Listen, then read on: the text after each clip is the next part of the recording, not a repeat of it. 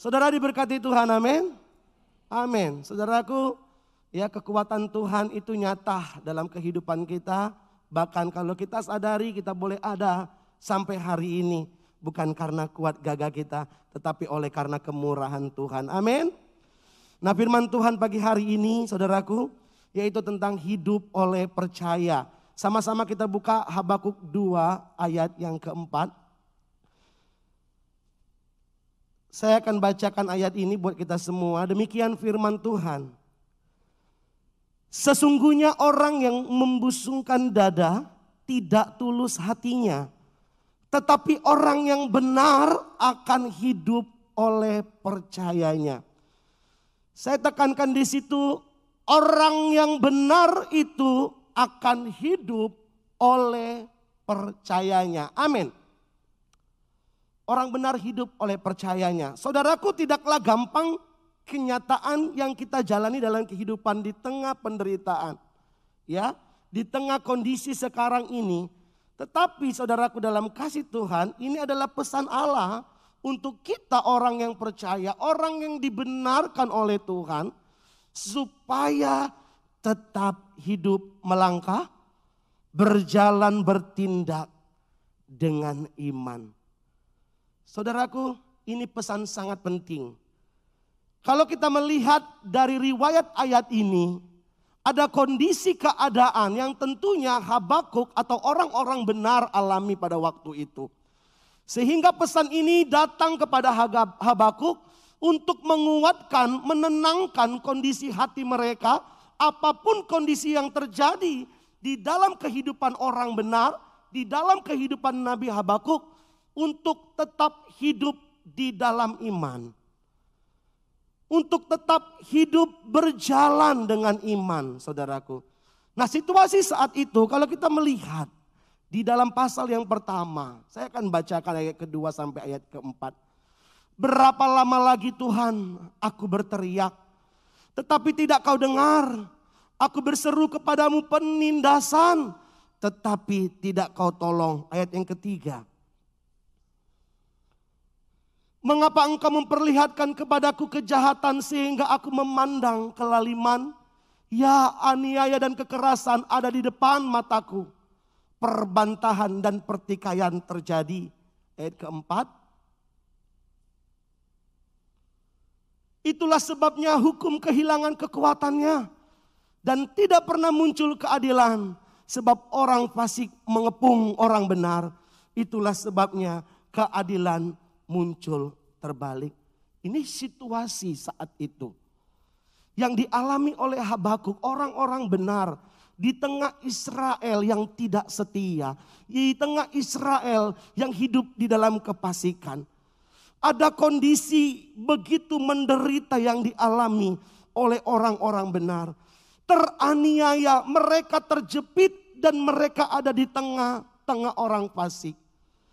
Nah saudaraku, kalau kondisi ini terjadi dalam kehidupan kita, di mana kita saudaraku hidup benar, kita sudah setia, tetapi kita melihat ada banyak yang terjadi di depan kita. Sehingga orang benar pun juga mengalami yang sama.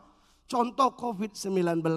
COVID-19 bukan untuk orang yang tidak benar saja saudaraku. Tetapi juga orang benar, orang percaya juga alami. Hadapi situasi ini. Tetapi kita belajar dari situasi ini saudaraku. Untuk hidup di dalam iman percaya kita kepada Tuhan. Ini situasi yang dialami Habakuk pada waktu itu. Saya tidak mengerti kondisi apa yang Tuhan izinkan terjadi dalam hidup saya dan saudara hari-hari ini. Pergumulan yang berat, tantangan yang besar di depan saudara. Bahkan lebih lagi orang benar akan menghadapi situasi yang akan datang. Nah situasi yang akan datang ini situasi yang diberitahukan dari Allah kepada Habakuk bahwa Tuhan akan nyatakan murkanya bagi orang-orang fasik dan orang benar pada waktu itu juga akan mengalami dampaknya. Nah saudaraku situasi yang akan terjadi saya akan bacakan di ayat yang kelima. Lihatlah di antara bangsa-bangsa dan perhatikanlah jadilah heran dan tercengang-cengang Sebab aku melakukan suatu pekerjaan dalam zamanmu yang tidak akan kamu percayai jika diceritakan. Ayat 6. Sebab sesungguhnya akulah yang membangkitkan orang Kasdim, bangsa yang garang dan tangkas itu, yang melintasi lintang bujur bumi untuk menduduki tempat kediaman yang bukan kepunyaan mereka. Ayat 7. Bangsa itu dahsyat dan menakutkan keadilan dan dikeluhurannya berasal daripadanya sendiri. Nanti saudara baca selanjutnya di rumah sampai dengan ayat yang ke-9.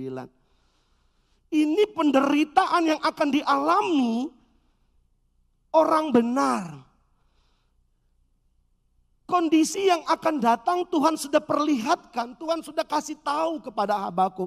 Karena ketidaksetiaan Israel, karena kebanyakan orang-orang pasik, maka Tuhan akan mengirimkan orang Kasdim, saudaraku. Yang akan menghancurkan Yerusalem, yang akan menawan mereka, yang akan memperbudak mereka, saudaraku. Ini situasi yang akan datang Tuhan sudah perlihatkan. Bukankah jelas hari-hari ini situasi sekarang kita alami hal yang mengejutkan, hal yang menakutkan. Bahkan firman Tuhan yang disampaikan Bapak Gembala menjelang kedatangan Tuhan maka meterai-meterai itu akan dibukakan. Bahkan ada tanda-tanda yang luar biasa yang membuat bangsa takut. Yang membuat orang takut saudaraku.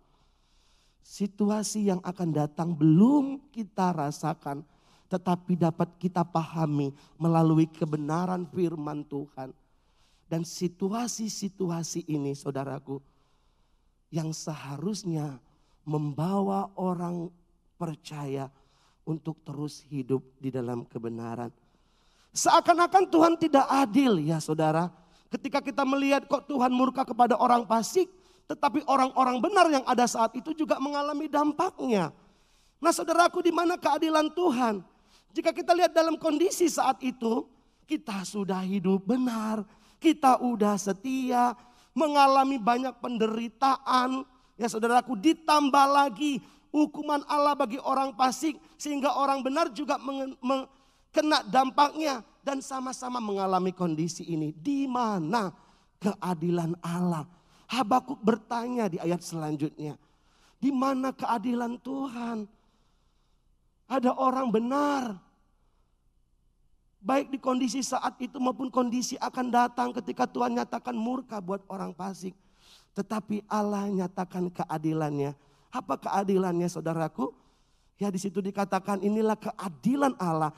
Tuhan akan adakan perbedaan di tengah penderitaan, di tengah kesukaran aniaya yang sedang dan akan terjadi bagi orang benar jika orang benar itu hidup oleh percaya. Amin. Inilah keadilan Allah.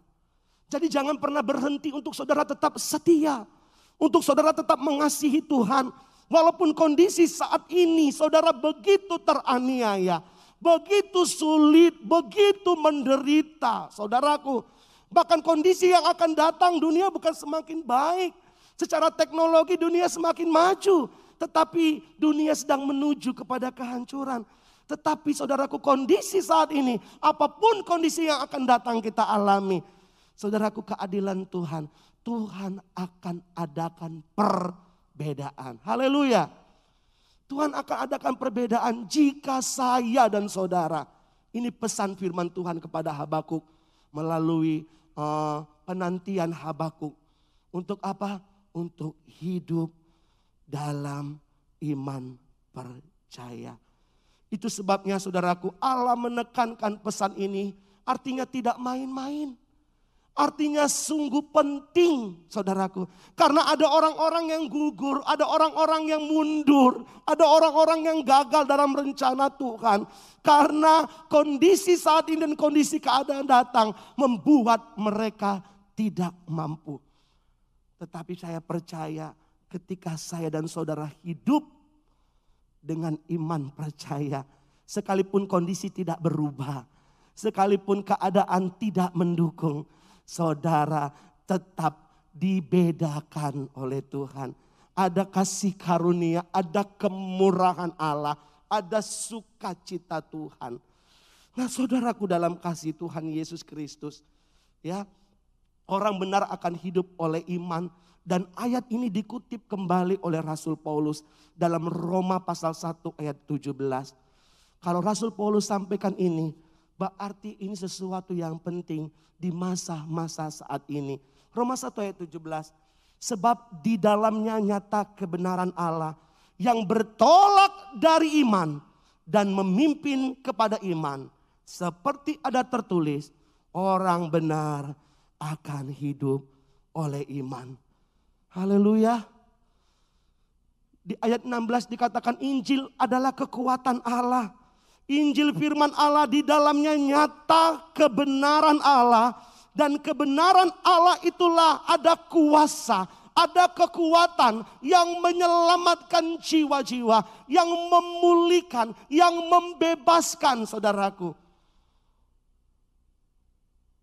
Dan kebenaran yang kita nikmati, janji Allah yang kita nikmati ketika kita memiliki iman kepada Allah di dalam Yesus Kristus. Saudaraku, apa yang kita butuhkan dalam kehidupan? Tentunya saudaraku, ada kebutuhan-kebutuhan pokok, kebutuhan utama, kebutuhan primer, saudaraku. Seperti apa? Seperti sandang, pangan, dan papan. Itu adalah kehidupan utama buat orang-orang yang hidup di dunia ini. Butuh makan, butuh pakaian, butuh tempat tinggal saudaraku.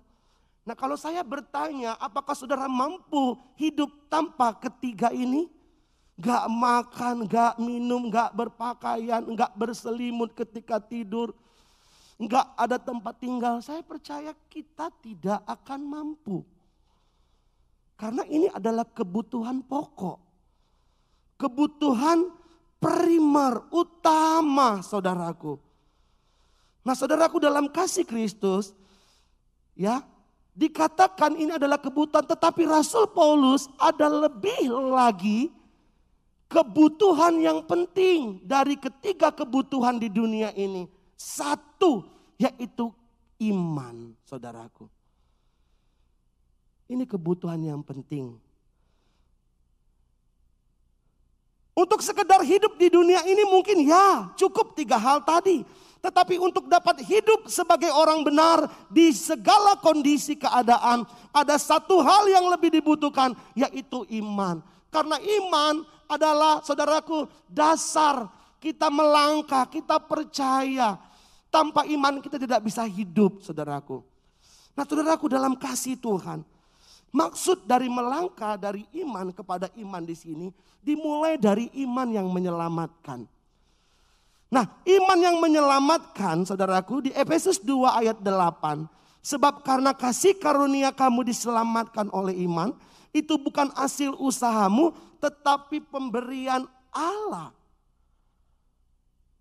Dengan iman saja pengaruhnya luar biasa. Ya, kasih karunia diberikan, Yesus Kristus dinyatakan supaya kita selamat. Tetapi orang yang mendapatkan keselamatan, orang yang akan mendapatkan pembebasan dan kelepasan dari Tuhan, dia harus memiliki iman. Ketika saya melihat iman di sini dikatakan yang menyelamatkan. Intinya orang percaya harus punya iman. Orang percaya harus hidup dalam dalam iman. Bapak Ibu Saudaraku dalam kasih Tuhan. Ketika kita percaya akan kasih karunia di dalam Yesus Kristus, maka kita beroleh keselamatan sehingga kita menjadi orang benar. Tetapi iman bukan hanya berarti berarti sekedar menerima Yesus. Bukan sekedar kita diselamatkan, bukan. Tetapi iman ini terus melangkah, yaitu uh, hidup yang berproses, hidup yang terus maju di dalam iman, saudaraku. Yang kedua, iman bertumbuh dalam pengajaran.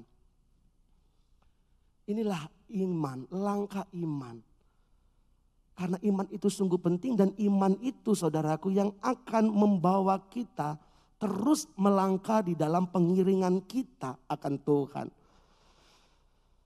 Nah saudaraku dalam kasih Kristus, di mana saudara tertanam, Di mana saudara menerima firman, itu yang akan membentuk pertumbuhan iman saudara. Membentuk kualitas iman saudara. Itu sebabnya penting sekali iman yang bertumbuh dalam pengajaran. Jangan sembarang kita membuka telinga kita, membuka hati kita untuk pengajaran-pengajaran yang belum tentu kebenarannya murni. Karena dari mana saudara menerima kebenaran, di situ yang akan menentukan kualitas iman saya dan saudara. Nah saudaraku dalam kasih Tuhan, pengajaran yang sehat itu akan menghasilkan iman yang kuat.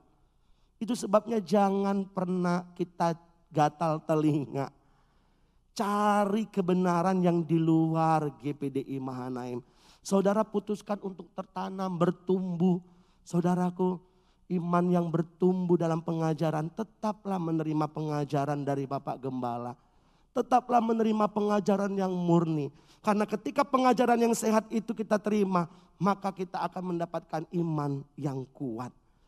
Pengajaran yang benar yang akan menjadikan iman kita selalu akan bertumbuh menjadi iman yang besar. Ya. Dan jika iman saudara bertumbuh kuat dan iman saudara besar, maka saya percaya segala situasi yang kita dengar, yang kita lihat, yang begitu menakutkan, itu yang akan memampukan saudara untuk tetap bertahan dan kuat.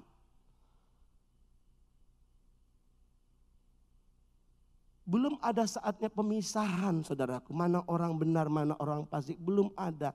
Tetapi kalau kondisi itu kita alami. Kita akan dibedakan. Karena apa? Karena kita memiliki iman yang bertumbuh di dalam pengajaran. Penderitaan apa yang hari-hari ini kita alami, goncangan apa yang Tuhan izinkan terjadi, baik di tengah keluarga kita, di tengah usaha, bahkan pekerjaan kita, apa pun itu, maka iman saudara akan terus terlihat berkualitas. Karena langkah iman saudara mengalami pertumbuhan di dalam pengajaran. Baca firman, beribadah, bersekutu, itu ada hal-hal yang penting. Ya. Berkomitmen untuk tetap menerima sumber air yang sama dari Tuhan melalui gereja saudara. Melalui gembala saudara. Dan saya percaya iman saudara akan terus bertumbuh dan kuat. Nah saudaraku ada ilustrasi saudaraku tentang petani kentang. Petani kentang ini adalah petani yang sedang uh, sedang uh, panen besar-besaran sehingga kentang yang diambil saudaraku dimasukkan ke salah satu truk besar. Lalu ada seorang yang bertanya kepada bapak petani ini. Bapak petani, kenapa tidak dipilih dulu mana kentang yang besar, mana kentang yang kecil? Lalu bapak petani ini menjawab, Tentunya saya tidak akan repot untuk memilih mana kentang yang besar, mana kentang yang kecil. Karena nanti setelah dalam perjalanan nanti mobil ini akan mengalami goncangan. Mobil ini akan mengalami uh, goncangan karena jalan yang akan dilalui itu berbatuan. Jalan yang akan dilalui itu berbelok-belok. Ketika mobil ini akan mengalami goncangan, maka saya tidak repot-repot lagi nanti ketika sampai tujuan untuk memisahkan. Karena kentang yang besar itu akan terus tampil di atas dan kentang yang kecil itu akan terus tenggelam di bagian bawah. Dan secara, secara tidak repot lagi petani tersebut sudah memisahkannya melalui goncangan.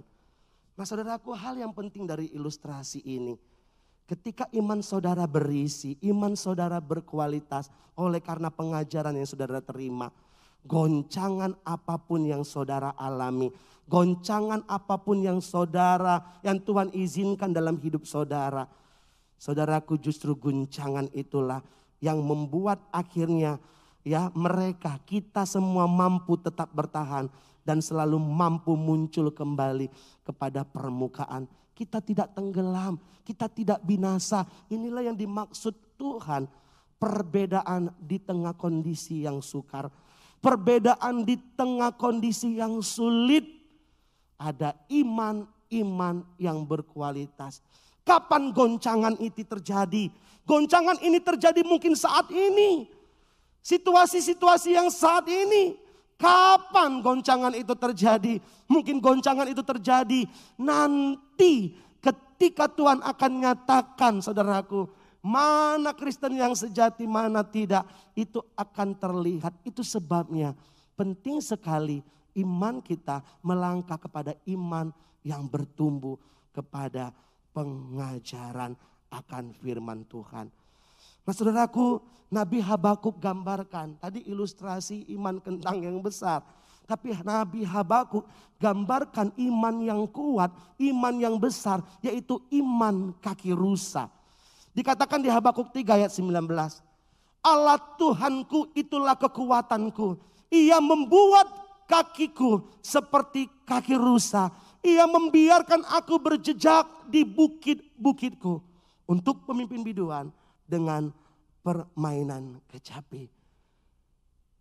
Ini nyanyian ratapan saudaraku. Nyanyian doa dari Habakuk. Ketika Habakuk di dalam kondisi saat itu. Ketika Habakuk menerima sesuatu yang akan terbuka. Kondisi yang lebih sulit lagi. Habakuk katakan Tuhan itu kuatku yang akan menjadikan kakiku seperti kaki rusa. Kaki rusa, kaki yang kuat, iman yang kuat, di mana pun dia berjejak, di mana pun dia berjalan, di mana pun dia berlari saudaraku. Dia memiliki iman kaki rusa. Haleluya. Iman yang berkualitas yang digambarkan oleh anak baku. Iman kaki rusa. Nah saudaraku dalam kasih Tuhan, Yesus Kristus, ya inilah rahasianya. Ya, untuk mendapatkan iman seperti ini Iman ini harus didasari dengan hubungan kita kepada Tuhan.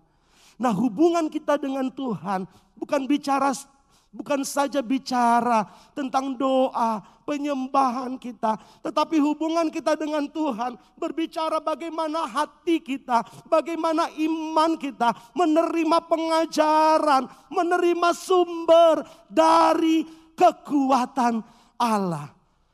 Habakuk katakan apa?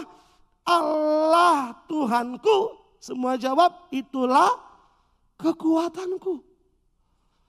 Ada hubungan yang dekat, aku lemah, aku tak berdaya, imanku mungkin tidak besar, tetapi iman kita didasari dengan hubungan kepada Tuhan, di mana saudara membuka diri untuk menerima firman yang murni. Dan di situ saudara mendapatkan kekuatan dari pengajaran firman Tuhan. Ya, saya pisahkan di situ Allah Tuhanku itu kekuatanku. Aku ingat saudaraku di Roma 1 ayat 16 yang tadi kita baca ayat 17 dikatakan seperti ini. Sebab aku mempunyai keyakinan yang kokoh di dalam apa? Di dalam Injil. Injil adalah firman Allah. Injil adalah firman Allah. Karena Injil adalah kekuatan. Makanya Habakuk jawab tadi apa? Allahku adalah kekuatanku. Firman Yesus Injil kebenaran Allah, kuasanya itu yang akan menguatkan saya dan saudara. Bukan hanya menyelamatkan, tetapi itu yang akan memampukan saudara untuk berjalan di kehidupan-kehidupan yang akan datang. Melangkah terus dengan iman. Ini yang yang Habakuk gambarkan, iman kaki rusa. Yang Habakuk gambarkan berikutnya yaitu iman yang teruji. Nah iman yang teruji di sini saudaraku ayat 17 dan 18. Iman yang sudah tidak terpengaruh oleh kondisi yang terjadi dalam hidup orang benar. Awal tadi saya sudah sebut baik kondisi saat ini saudara mungkin menangis, saudara begitu menderita maupun kondisi yang akan datang. Jadi iman yang teruji, iman yang sudah tidak terpengaruh oleh kondisi yang terjadi. Saya akan bacakan ayat 17, 6, 17 dari Habakuk 3. Sekalipun pohon ara tidak berbunga, pohon anggur tidak berbuah, hasil pohon zaitun mengecewakan. Sekalipun ladang-ladang tidak menghasilkan bahan makanan, kambing domba terhalau dari kurungan, dan tidak ada lembu sapi dalam kandang. Namun aku akan bersorak-sorai di dalam Tuhan, beria-ria di dalam Allah yang menyelamatkan aku. Inilah iman kaki rusak iman yang teruji. Berkali-kali dikatakan, sekalipun. Sekalipun itu berbicara tentang kondisi keadaan apa pun, saudaraku. Dikatakan mungkin pohon anggur tidak berbuah, hasil pohon zaitun mengecewakan. Kondisi-kondisi yang mungkin tidak pernah kita kita uh, alami tetapi Tuhan izinkan kita akan lihat itu tetapi itu tidak akan mempengaruhi kekristenan kita karena iman kita sudah bertumbuh dan teruji. Saudara bisa tambahkan kata-kata ini sekalipun duri dalam daging sekalipun sakit penyakit yang kulalui sekalipun kondisi perekonomian semakin menurun. Sekalipun, sekalipun aku tidak disembuhkan, sekalipun aku tetap menjalani ini dalam uh, melangkah dengan sulit. Iman yang teruji dikatakan apa di ayat yang ke-18. Namun Aku akan bersorak-sorai di dalam nama Tuhan. Beria-ria di dalam Allah yang menyelamatkan. Nah Bapak Ibu Saudaraku dalam kasih Kristus. Menjadi kesimpulan pada saat pagi hari ini. Ya, ketika kita punya iman yang kokoh, berjalan hidup orang benar. Ya, orang benar hidup oleh karena iman di situ saudara akan dimampukan, dikuatkan. Saya diberkati dengan lagu tadi saudaraku. Dikatakan aku tetap melompat memuji Tuhan. Bahkan di lagu awal ya apa pun yang terjadi dalam keadaanku. Sukacitaku ya tidak akan hilang. Karena imannya apa? Teruji. Apa yang hari-hari ini Tuhan izinkan saudaraku. Tapi kita mau berkata sekalipun, sekalipun kondisi keadaan tidak berubah, tidak mendukung. Aku mau tetap bersuka cita dalam Tuhan, amin. Tuhan tahu pergumulan saya dan saudara. Tuhan tahu apa yang saudara alami hari-hari ini. Tetapi ketika saudara melangkah dari iman keselamatan kepada iman yang bertumbuh dalam pengajaran. Di situ akan terlihat kualitas iman saudara. Sungguh sangat mudah Tuhan membalikkan kondisi saudara dan saya. Tetapi Tuhan tidak lakukan itu karena Tuhan akan lebih mengutamakan kualitas iman saya, kualitas iman saudara. Dan saya percaya Tuhan akan bekerja dengan dahsyat dan luar biasa lagi dalam